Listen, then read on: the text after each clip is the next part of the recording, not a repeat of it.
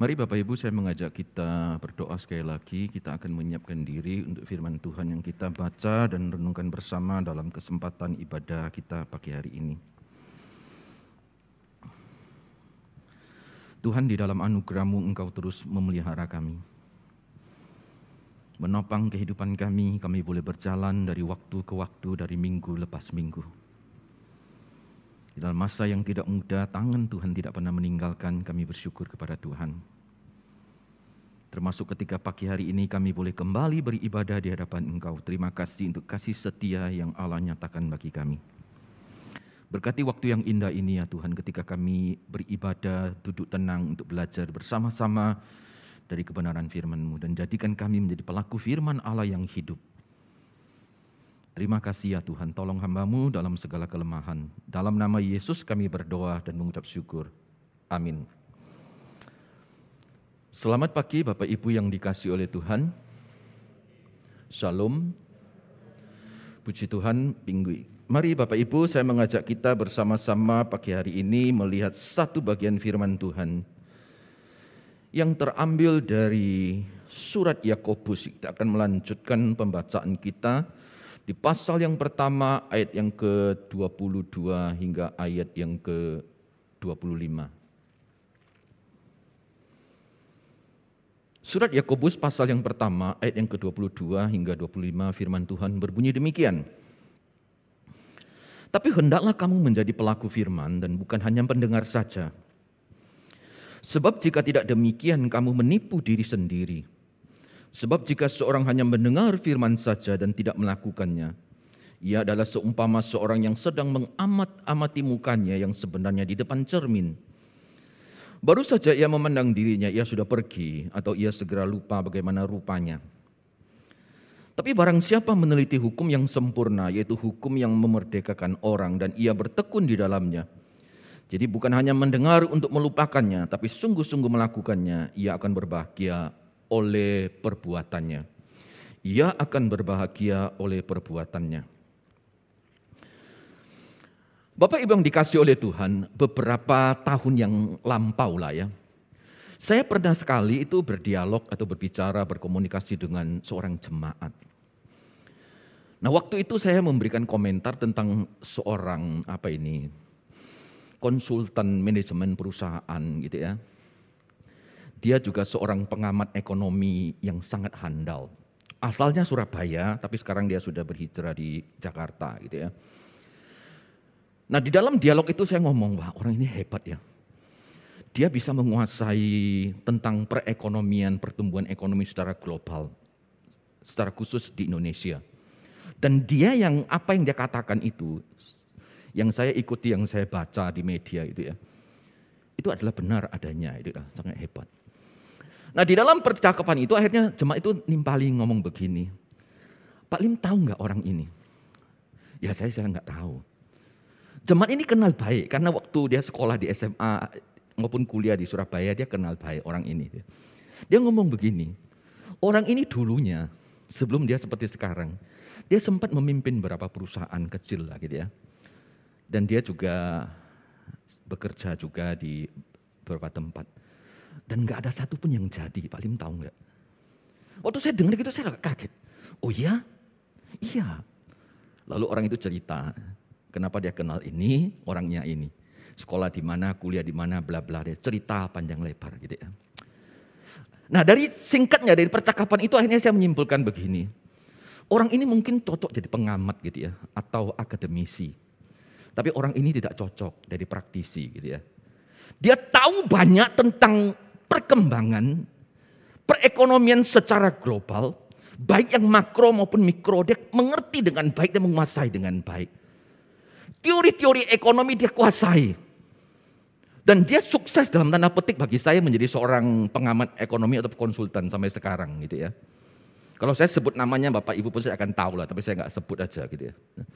Bagi saya dia sukses gitu.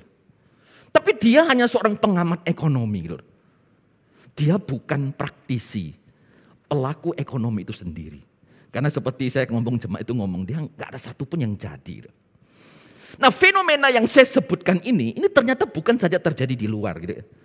Di dalam kehidupan bergereja, fenomena yang sama itu bisa kita temui. Secara khusus tentunya ketika saya ngomong begini, itu adalah ditujukan kepada saya gitu ya. Juga kepada rekan-rekan sejawat rohaniawan. Nah di dalam kehidupan gereja ini kan ya, boleh dibilang rohaniawan kan mengerti banyak toh ya. Dianggap mengerti banyak. Ya. Dan menguasai banyak, mulai dari kitab kejadian sampai kitab wahyu gitu ya.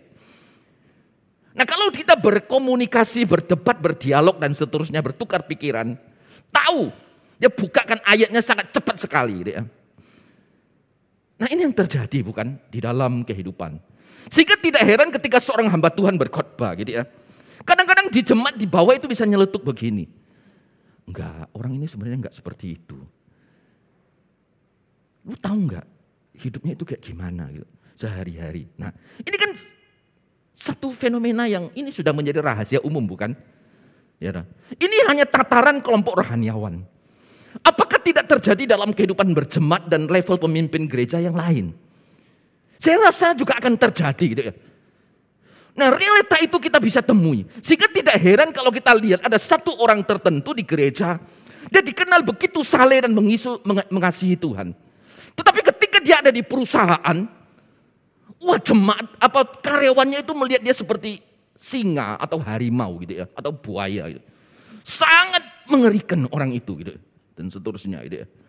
Nah, nah ini adalah satu gambaran realita hidup yang memang engkau dan saya alami. Ya. Nah Yakobus ketika menulis suratnya itu kan ditulis kepada jemaat Tuhan orang-orang Yahudi yang sudah menjadi Kristen diaspora. Dia ada di perantauan. Nah mereka yang ada di perantauan, komunitas mereka, kelompok mereka itu tidak terlalu besar. Dan gampang disorot, dilihat orang banyak gitu loh. Nah kelakuan dan pola hidup mereka sebelum dan sesudah mengenal Kristus itu sering kali menjadi perhatian gitu.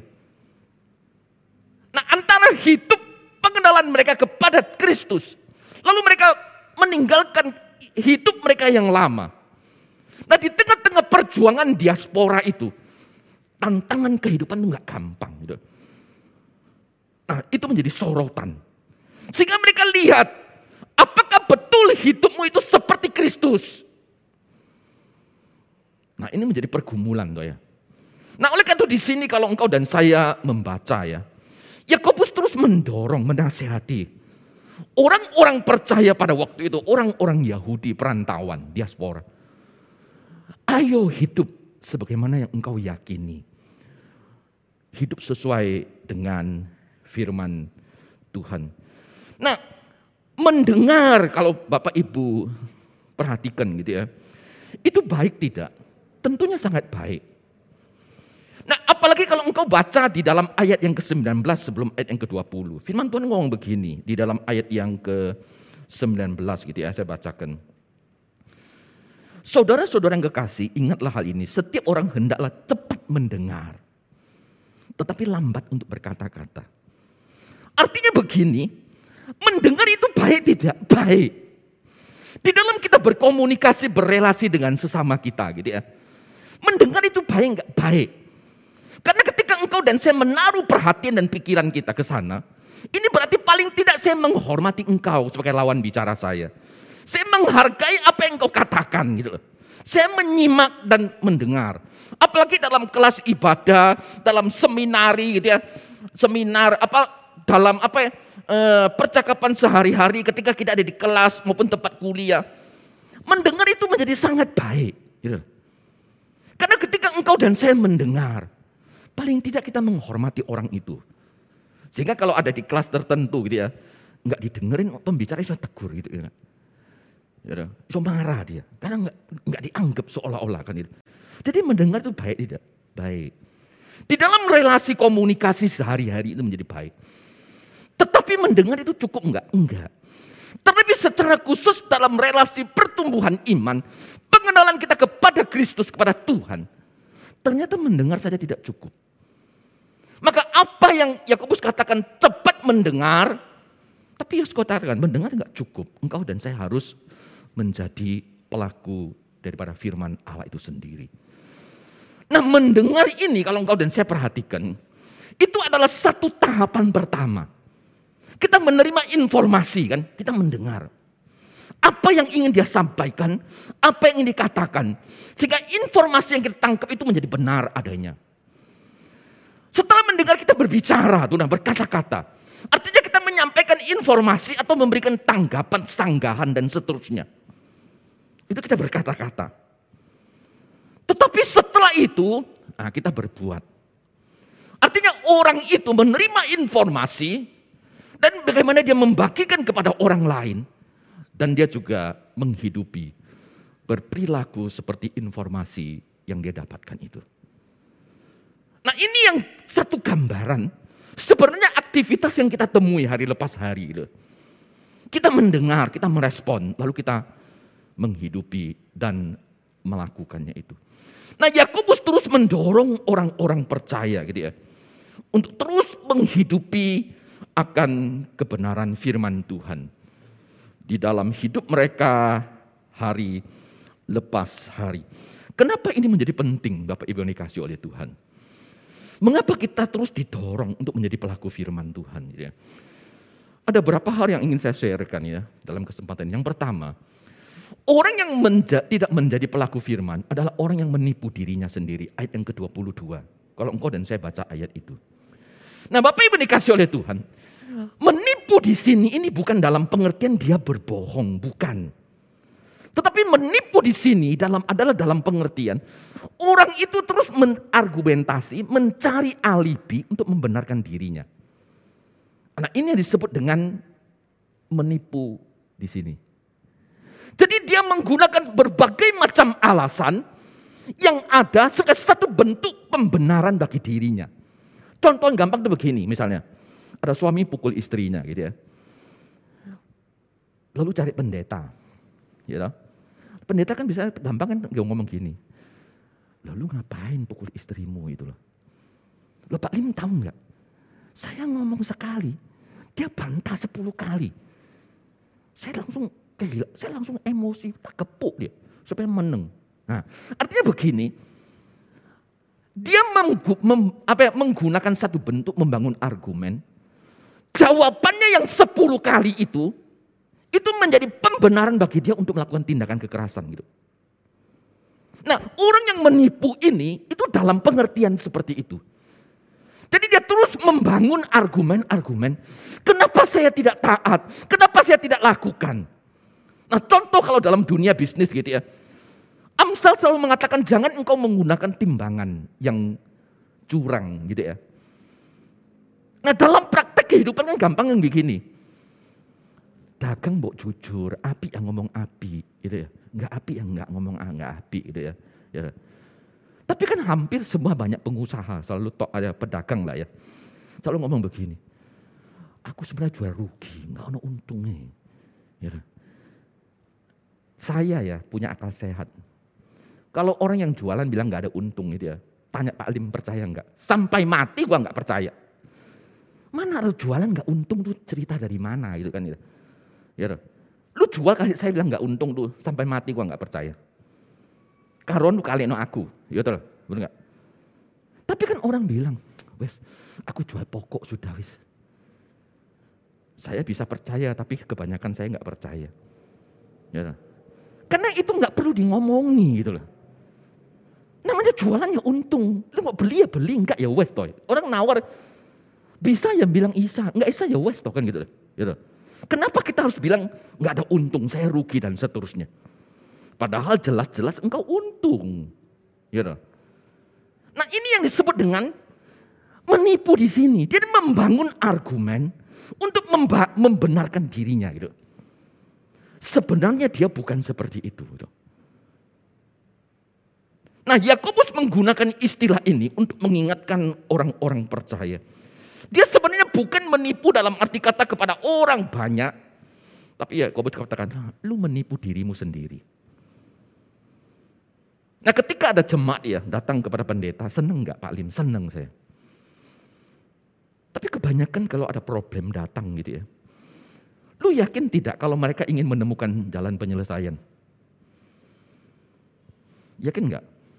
Kalau dia ada problem dalam tangga, datang ke pendeta. Lu yakin nggak mereka ingin menyelesaikan masalahnya?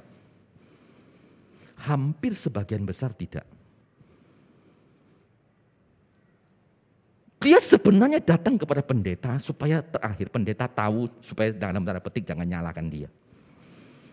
Biasanya kan kita berikan konsultasi pandangan lah. Nasihat-nasihat firman Tuhan. Supaya mereka lakukan itu. Nah lu yakin nggak mereka lakukan ketika mereka pulang? Lakukan nggak? Dan boleh dipastikan sebagian besar tidak.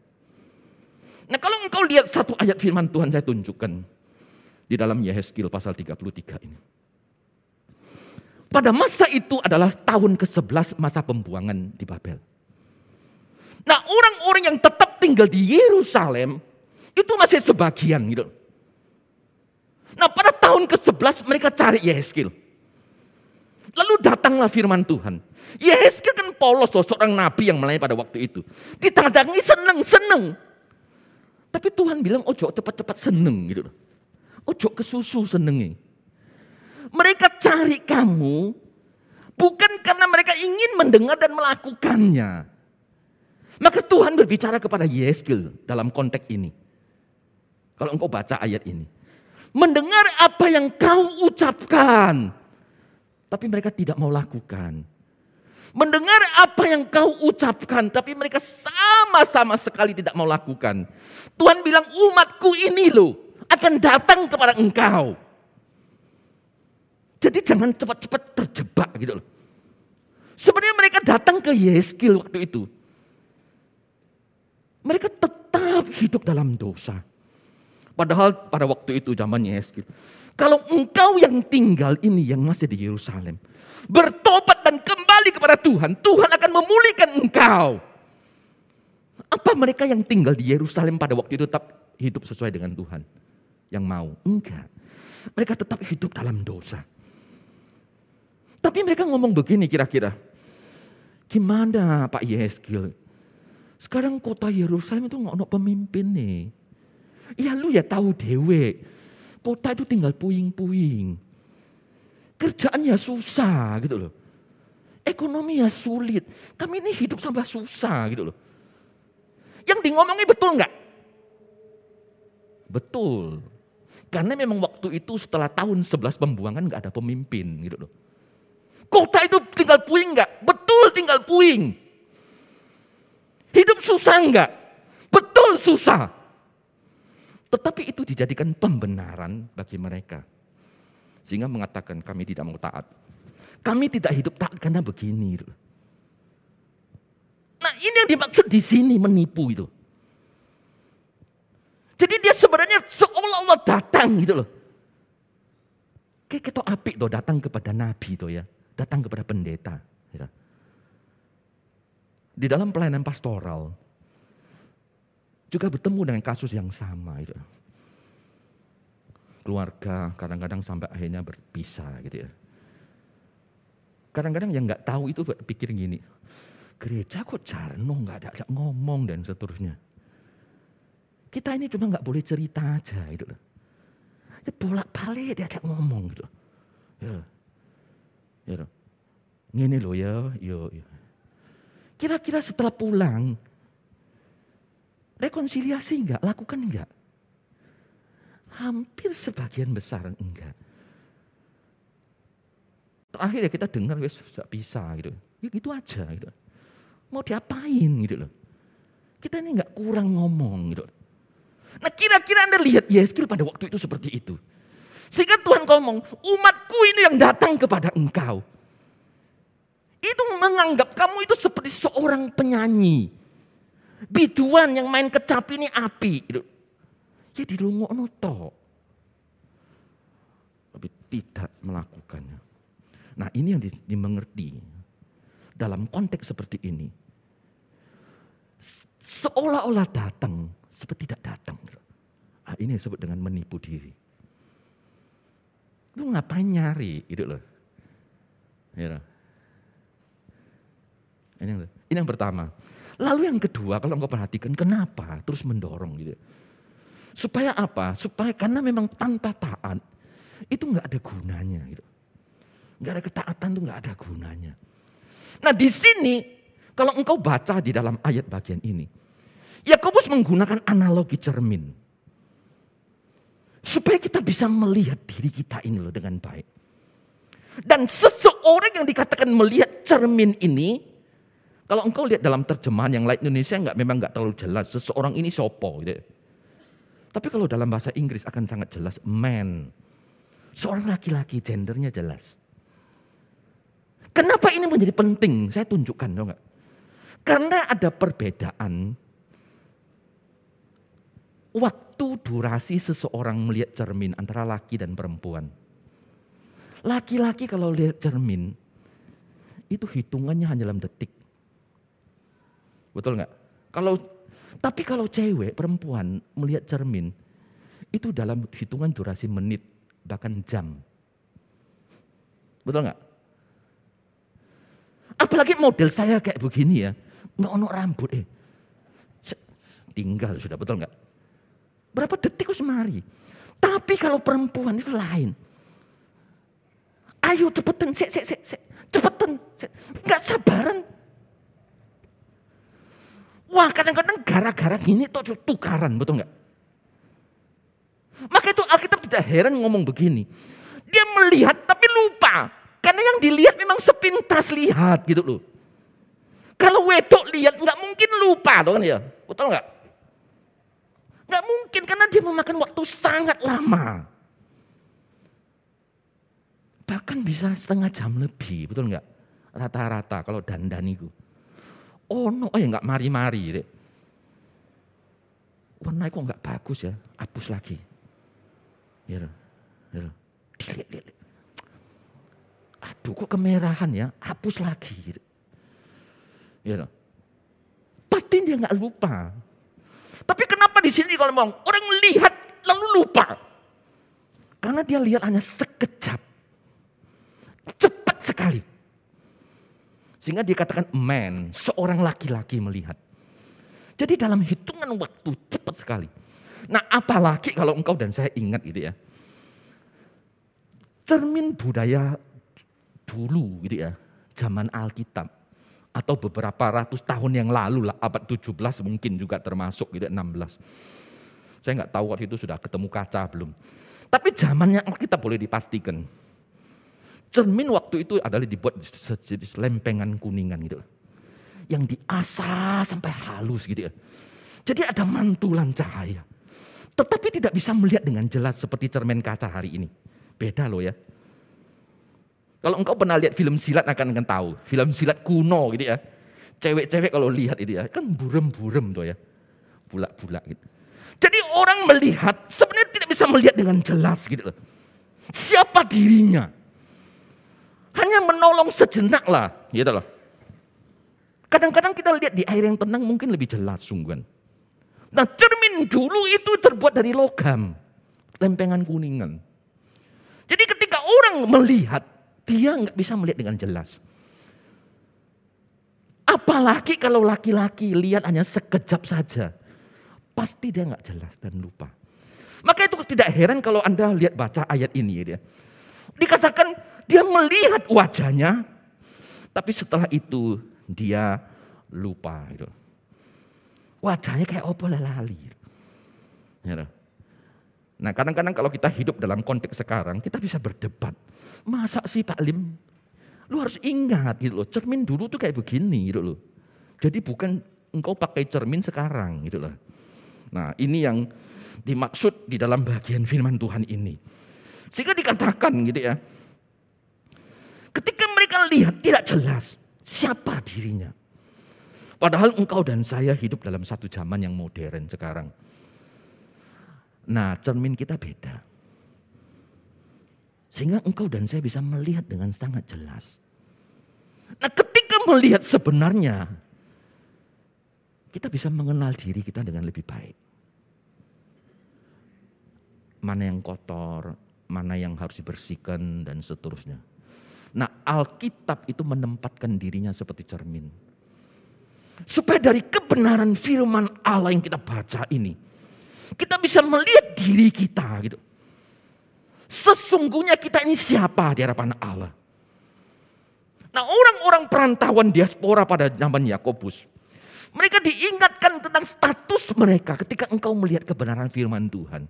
Di dalam anugerah bagaimana Tuhan menyelamatkan, memelihara. Dan engkau sudah mengecap kebenaran itu. Maka hiduplah sesuai itu. Jadi jangan membangun argumentasi yang karena saya di perantauan loh Pak, maklumlah. Jauh dari keluarga, bojo yang ngeonok dan seterusnya dan seterusnya. Menjadi pembenaran. Enggak gitu. Nah yang menarik itu begini. Dia gitu ya, dia menggunakan istilah lupa gitu ya. Lupa itu bisa dalam pengertian itu gagal ingat gitu ya. Semu kadang-kadang protes saya. Saya ini termasuk orang yang sangat telaten, teliti, naruh barang gitu ya. Tapi dalam tahun-tahun terakhir ini gitu ya. Gak tahu tiba-tiba lupa itu. Lalu semu ngomongin, laulet, laulet, wis tuwe, wis tuwe. Gitu.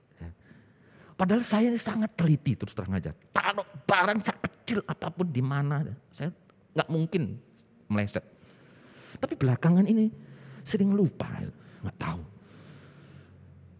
Ya, semua paling gampang nyelutuk. Aku tarik tarik taruh di mana?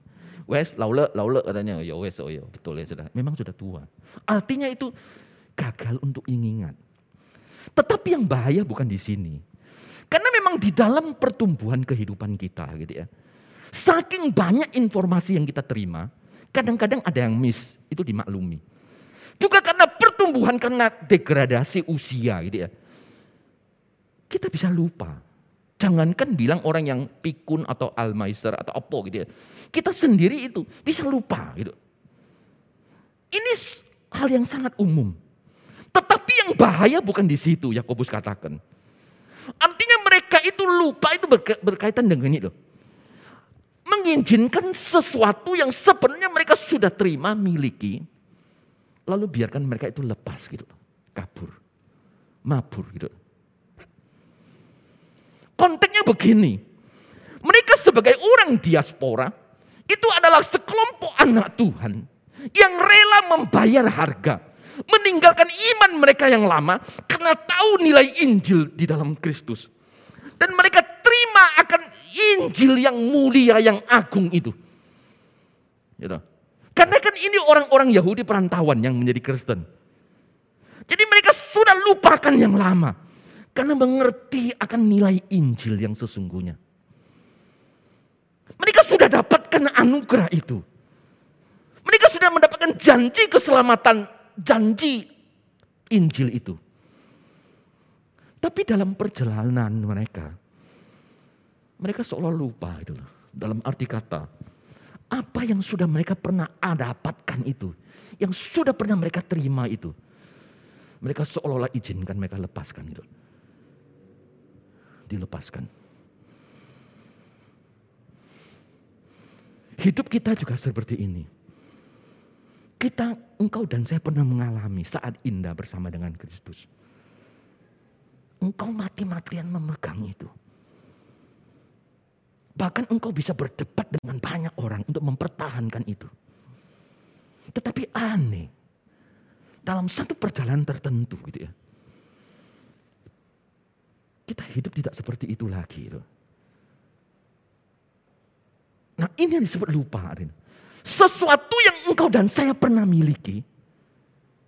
Tapi engkau biarkan itu loh. Dilepas gitu biarkan. Nah ini lupa di sini. Sehingga Yakobus mengatakan, ini bahayanya. Gitu. Karena engkau dan saya sudah, sekali lagi sudah, mengecap kebaikan kalau engkau bandingkan dengan surat Ibrani.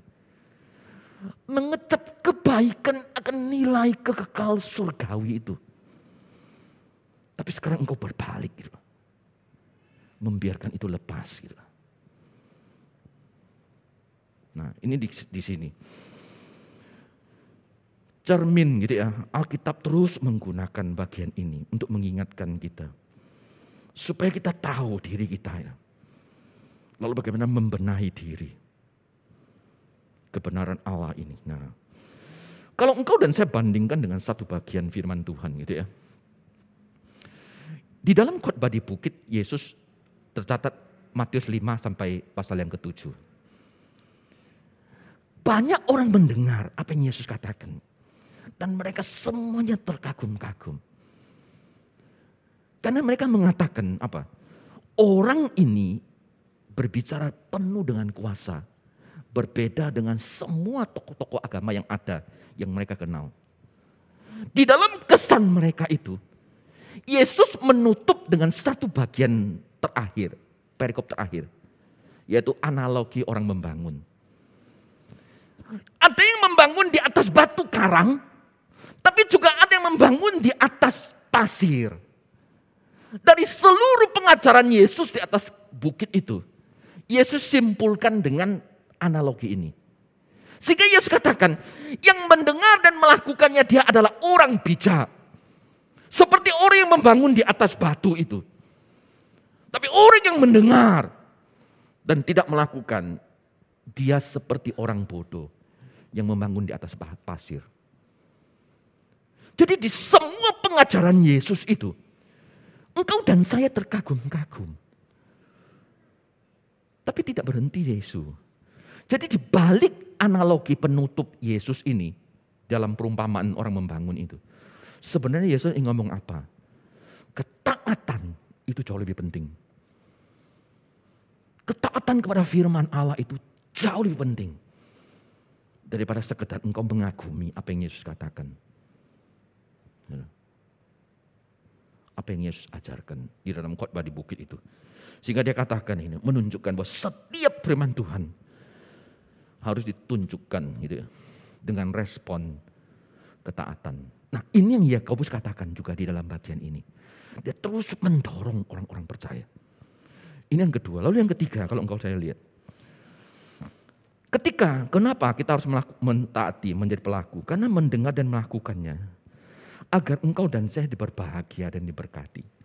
Kalau engkau baca di ayat terakhir gitu ya, ayat yang dalam bacaan ini ya, pasal yang pertama ayat 22 dan 25 itu bagian terakhir ngomong begini. Ia akan berbahagia oleh perbuatannya. Di ayat yang ke-25. Nah, Bapak Ibu dikasih oleh Tuhan. Saya percaya setiap kita itu ingin berbahagia. Anda tanya ingin nggak sama saya? Saya tanya, tanya ingin. Setiap pribadi kita ingin diberkati nggak? Ingin, sungguhan. Jadi tidak ada orang yang tidak ingin berbahagia, tidak ada orang yang tidak ingin diberkati. Semua orang ingin. Persoalannya cuma begini. Ada orang yang terus berjuang membangun atau mengumpulkan kebahagiaan. Itu dari, dalam pemahaman perspektif. Adalah apa yang bisa dia raih secara materi. Salah tidak? Tidak terlalu salah. Maka itu tidak heran Bapak Ibu bekerja. bukan Mati-matian gitu. Kumpulkan satu demi satu, kumpulkan sedikit demi sedikit. Supaya apa? Supaya kita hidup bisa berbahagia, toh, betul nggak? Itu kan cara asumsi berpikir kita, gitu. Pesal posisi yang kita bangun, gitu. Salah tidak? Saya tidak ingin mengatakan itu salah. Cuma itu masalah eksternal, gitu. Karena yang eksternal ini bisa cepat berubah. Sekejap saja bisa hilang. Kalau sesuatu terjadi gitu ya, bah, hilang semuanya. Nah, Yakobus di sini ingin menekankan bahwa engkau berjuang di perantauan, engkau berusaha mati-matian berdagang dan seterusnya supaya bisa survive. Engkau berpikir ingin berbahagia toh. Akhirnya mereka mengabaikan, mereka mengejar keuntungan, profit gitu. Yang lebih banyak dengan cara-cara curang. Karena mereka pikir kalau semakin saya banyak dapatkan, saya berbahagia. Ini yang terjadi di dalam hidup pada masa itu. Karena di perantauan orang kalau ingin bersaing dengan penduduk lokal, itu kan nggak gampang, dong, betul nggak? Di Indonesia pun menjadi isu sosial, betul nggak? Pendatang lebih ulet daripada penduduk lokal, gitu. Ya. Segala macam cara. Tapi Yakobus mengatakan, kalau engkau ingin berbahagia, bukan itu ada sesuatu yang lain yang engkau bisa lihat. Yaitu relasi hidupmu gitu, yang secara internal dengan Tuhan. Hidupmu dengan Allah itu akan menentukan engkau bahagia atau tidak. Nah, Ini yang diingatkan oleh Yakobus di dalam bagian firman Tuhan ini. Kalau engkau dan saya baca gitu ya. Jadi Yakobus mengatakan dalam relasi yang benar dengan Tuhan, engkau akan menemukan kebahagiaan. Kebahagiaan yang bersumber dari dalam dan bukan dari luar. Nah, juga perlu kita hati-hati ketika membaca ayat itu ya. Dia kan ngomong begini, berbahagia oleh perbuatannya, betul nggak? Ya? Perbuatannya. Nah, kadang-kadang orang salah tangkap. Ya. Yakobus di sini tidak bicara soal tentang konsep soteriologi, tentang keselamatan tidak. Dia tidak berbicara soal ajaran keselamatan, tidak. Tetapi yang ingin dikatakan oleh Yakobus mengatakan berbahagia oleh perbuatannya. Ini adalah dalam pengertian bahwa kita bukan diselamatkan oleh perbuatan, betul, sungguhan. Berhenti situ. Tapi yang ingin ditekankan adalah Yakobus adalah begini. Dalam kehidupan seorang yang sudah diselamatkan harus ada integrasi antara kesetiaan seseorang dalam mempelajari firman dan ketaatannya di dalam melakukannya. Jadi yang sebenarnya ingin dibahas oleh Yakobus ini, ini bukan soal problematika keselamatan, bukan. Tetapi bagaimana engkau dan saya mengintegrasikan antara kehidupanmu di dalam Tuhan yang sudah mengalami keselamatan sekarang dengan kehidupan sehari-hari. Maka dikatakan berbahagialah engkau oleh karena perbuatan. Ya. Jadi bukan karena bermodal perbuatan sehingga kita diselamatkan. Tidak. Tidak ngomong soal itu. Tapi ini bicara soal bagaimana kita mengintegrasikan antara kehidupan kita sudah di dalam Tuhan dengan kehidupan kita sehari-hari. Maka Yakobus menggunakan akan istilah ini gitu ya. Nah, yang menarik itu begini. Kalau engkau perhatikan ayat ini ya, ya. Yakobus mengatakan begini, seseorang itu perlu meneliti dan bertekun di dalamnya ketika membaca firman bertekun. Nah, di sini ini sebenarnya adalah mendengar, meneliti itu ya bertekun, mendengar. Bukan untuk melupakan, tetapi mendengar, sungguh-sungguh mendengar dan melakukannya. Ini yang ingin dikatakan di dalam bagian ini. Sehingga mengindikasikan ada sebuah kesungguhan di dalam melakukan kedua hal, baik mendengar maupun melakukannya. Nah, saya kayak contoh begini. Nah, ya. Dengan kata lain sebelum saya contoh nanti ya, itu mendengar artinya kita loh, mempelajari itu melakukannya itu berarti di situ kita membutuhkan akan disiplin gitu ya. Karena tanpa disiplin nggak bisa gitu ya. Tanpa disiplin itu nggak bisa. Gereja kan sedang LD, betul ya? Kita puji Tuhan sebagian LD, tapi apakah semua enggak? Apalagi pada waktu sudah nggak di absen gitu ya. Wah kadang-kadang menyedihkan. Bukan saja majelis loh, termasuk rohaniawan. Kadang-kadang saya rasa, aduh kenapa orang itu kayak harus diperlakukan kayak air cilik gitu. gitu. Jadi kalau nggak di absen tuh, nggak tahu Pak Robi lihat nggak? Aduh saya sampai gumun saya. Jadi waktu di absen gitu ya, di publish gitu ya, kan sungkan tuh ya akhirnya tulis namanya melo absen gitu ya. Ya toh. Belakangan ini kan kita mengambil satu langkah yang lebih maju lah progresif. Absen o dewek, baca o dewek. Ya toh. Kita pakai satu aplikasi yang baru dari app-nya Gloria. Tak telok gitu ya. Aduh. Menyedihkan. Gitu. Nah tapi ada yang rutin gitu ya. Tiap jam 5 muncul dia. Jam 5 tiap hari ada. Ada terus. Saya acungi jempol. Gitu. Tapi juga kadang-kadang pagi, siang, malam. Kadang-kadang besok eh gitu. Kalau nggak ditelepon gitu ya. Lali dia. Ya. Wah saya nggak punya energi sungguh nelpon Anda terus. Satu karena Anda rekan saya, yang kedua saya memperlakukan Anda sebagai orang yang dewasa. Dan tanggung jawabmu sama Tuhan. Mungkin pertama ya saya ingatkan, tapi suruh saya telepon terus enggak. Ya. Saya nggak punya energi, sungguhan. Walaupun saya tahu ada satu pendeta rekan saya itu punya energi. Jam 11 diinteni di telepon gitu. Saya kalau, bagi saya kalau gitu gendeng saya sungguhan. Ini perlu dilatih, nggak bisa muncul dengan sendirinya. Butuh kedisiplinan. Nah, Anda lihat ya. Dia Yakobus meneliti, ini melihat dengan terus menerus sungguh-sungguh. Ya. Jadi ada satu bentuk kedisiplinan, terus menerus diamati, terus terus mendalami, terus menerus. Nah, di bahasa ini mungkin nggak terlalu jelas, saya tunjukkan ayatnya. Ini Living Bible. Jadi bahasa Alkitab Indonesia sehari-hari. Kalau Bapak Ibu baca bunyinya begini. Hukum Allah sempurna, dia mempunyai kekuatan untuk memerdekakan manusia. Dan orang yang menyelidiki dan memperhatikan. Baik-baik serta melakukannya. Jadi kata meneliti yang kita temukan di ayat ini, oleh Living Bible itu diterjemahkan menjadi dua kata. Menyelidiki dan memperhatikan dengan sungguh-sungguh dan melakukan. Maka orang yang demikian dikatakan akan diberkati. Dalam setiap hal, setiap hal yang dilakukannya. Setiap hal yang dilakukan.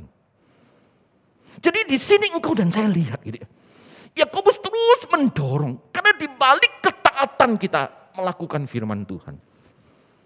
Sesungguhnya apa yang engkau cari itu berkat dan kebahagiaan Tuhan katakan, aku akan berikan. Setiap hal, aku akan berikan. Janji kebenaran firman Tuhan tidak berhenti sampai di sana. Saya tunjukkan satu ayat yang lain. Wahyu pasal yang pertama ayat yang ketiga. Berbahagialah ia yang membaca, mendengar, dan menurutinya berbahagialah. Jadi di dalam Alkitab kalau engkau dan saya lihat baik-baik gitu ya. Sebenarnya apa yang engkau dan saya cari. Itu Tuhan sudah tunjukkan jalannya gitu. Nah persoalannya sekarang adalah, lu mau nggak jalan di jalan yang Tuhan tunjukkan itu? Lu mau nggak? Gitu. Masmur pertama, itu sama persis kalau engkau baca pengajarannya. Banyak orang Tionghoa itu bisa menghafal Mazmur sepian di Icang, di Ipian. Semua bisa hafal. Akan menghasilkan buah pada musimnya. Ya, dan seterusnya. Nah ini yang dikatakan oleh Yakobus gitu. Jadi pada waktu engkau dan saya melakukan apa yang Tuhan janjikan. Tuhan akan mengerjakan apa yang menjadi bagiannya yaitu memberkati engkau dengan kebahagiaan dan berkat engkau cari. Bahkan di dalam Living Bible dikatakan dalam setiap hal yang engkau lakukan, engkau kerjakan dalam setiap hal. Mari Bapak Ibu kasih oleh Tuhan. Kita belajar menghidupi firman Tuhan di dalam kehidupan kita. Saya tidak tahu engkau sudah berapa lama menjadi orang orang anak Tuhan. Mari mengambil komitmen gitu. Ada banyak alibi, ada banyak alasan, ada banyak argumentasi yang bisa engkau bangun. Tapi Tuhan tetap ingin kita kembali. Mari taati. Nah di dalam ketaatan itulah, maka Tuhan katakan engkau akan berbahagia atau diberkati di dalam setiap aspek kehidupan yang kita jalani. Kiranya Tuhan menolong kita dan menolong engkau dan saya. Amin. Mari kita berdoa.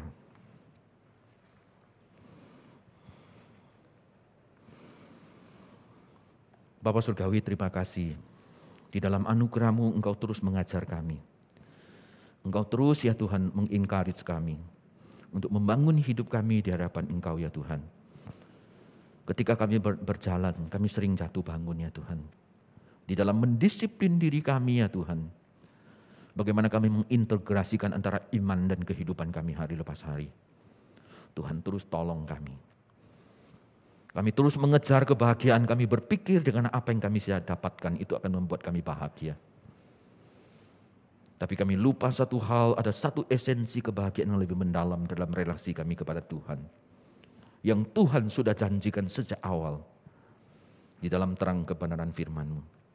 Bantu kami ya Tuhan, supaya kami boleh berbahagia oleh karena perbuatan iman yang Tuhan nyatakan. Terima kasih ya Tuhan berkati umat-Mu. Biarlah tekad ini terus ada dalam diri kami. Kami mendisiplin diri kami dalam nama Yesus Tuhan kami, kami berdoa dan mengucap syukur. Amin.